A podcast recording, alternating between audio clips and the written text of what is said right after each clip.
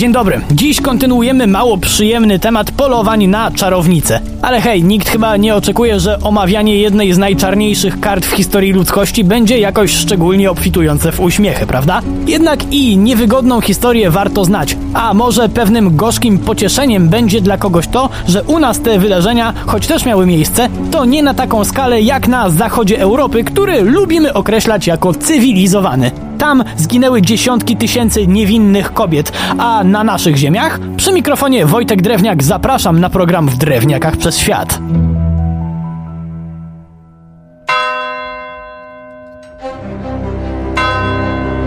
Nas kobiet uznanych za czarownicy i skazanych na śmierć poprzedzoną torturami było kilkaset. Zanim jednak omówimy sobie o co je oskarżano, to powiedzmy sobie czemu było ich tak niewiele w porównaniu z tym, co działo się choćby w Niemczech. Składowych było kilka, jednak szczególnie ciekawe jest to, że nasi przodkowie uznawali również istnienie wiedźm dobrych. Tak zwane wieszcze baby miały swoje niecodzienne moce zawdzięczać Bogu, który za ich pomocą leczył albo udzielał porad.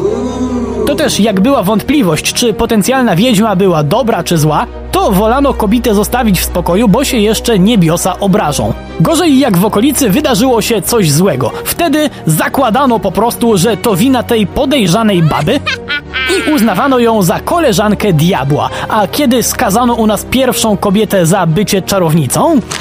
Formalnie po raz pierwszy zrobiono to w roku 1511, a powód jest tu tak zabawny, że na chwilę pozwolę sobie zrezygnować z poważnego tonu. Zarzuty były poważne. Zabójstwo, rzucenie uroku, a gdzie tam użycie nieczystych mocy, by zepsuć piwo w lokalnych browarach. Śmieszne? Jak dla kogo, bo raczej nie dla dziewuchy, którą skazano na śmierć w oparciu tylko o to oskarżenie. Jednak nie o psucie piwa oskarżano domniemane europejskie czarownice najczęściej.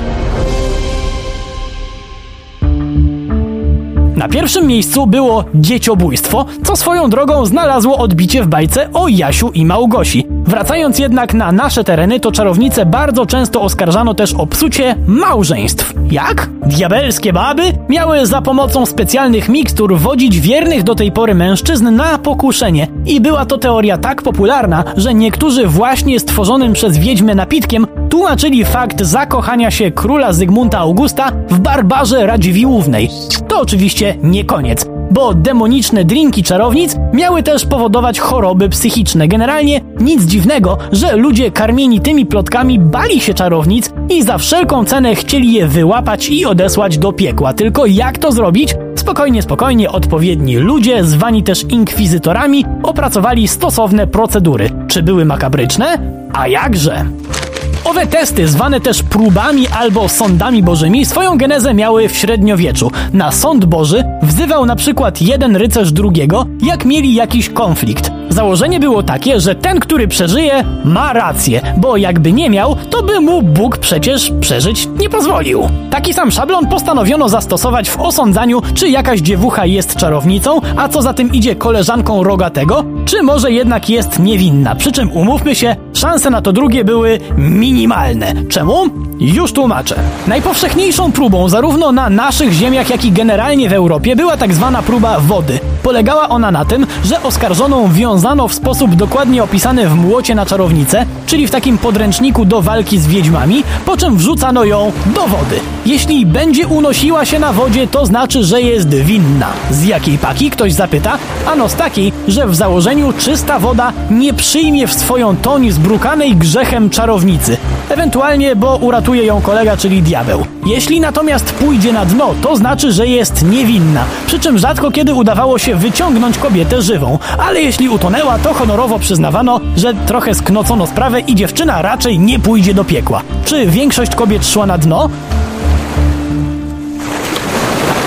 Otóż nie. Jednak nie dlatego, że była w konszachtach z Belzebubem. Zwyczajnie między ówczesnymi warstwami ciuchów gromadziło się na tyle dużo powietrza, że utrzymywało ono oskarżoną na powierzchni na tyle długo, by na brzegu zdążono już ją uznać za wiedźmę. Kobietę zatem wyciągano i skazywano na śmierć. Czy to głupie i okrutne?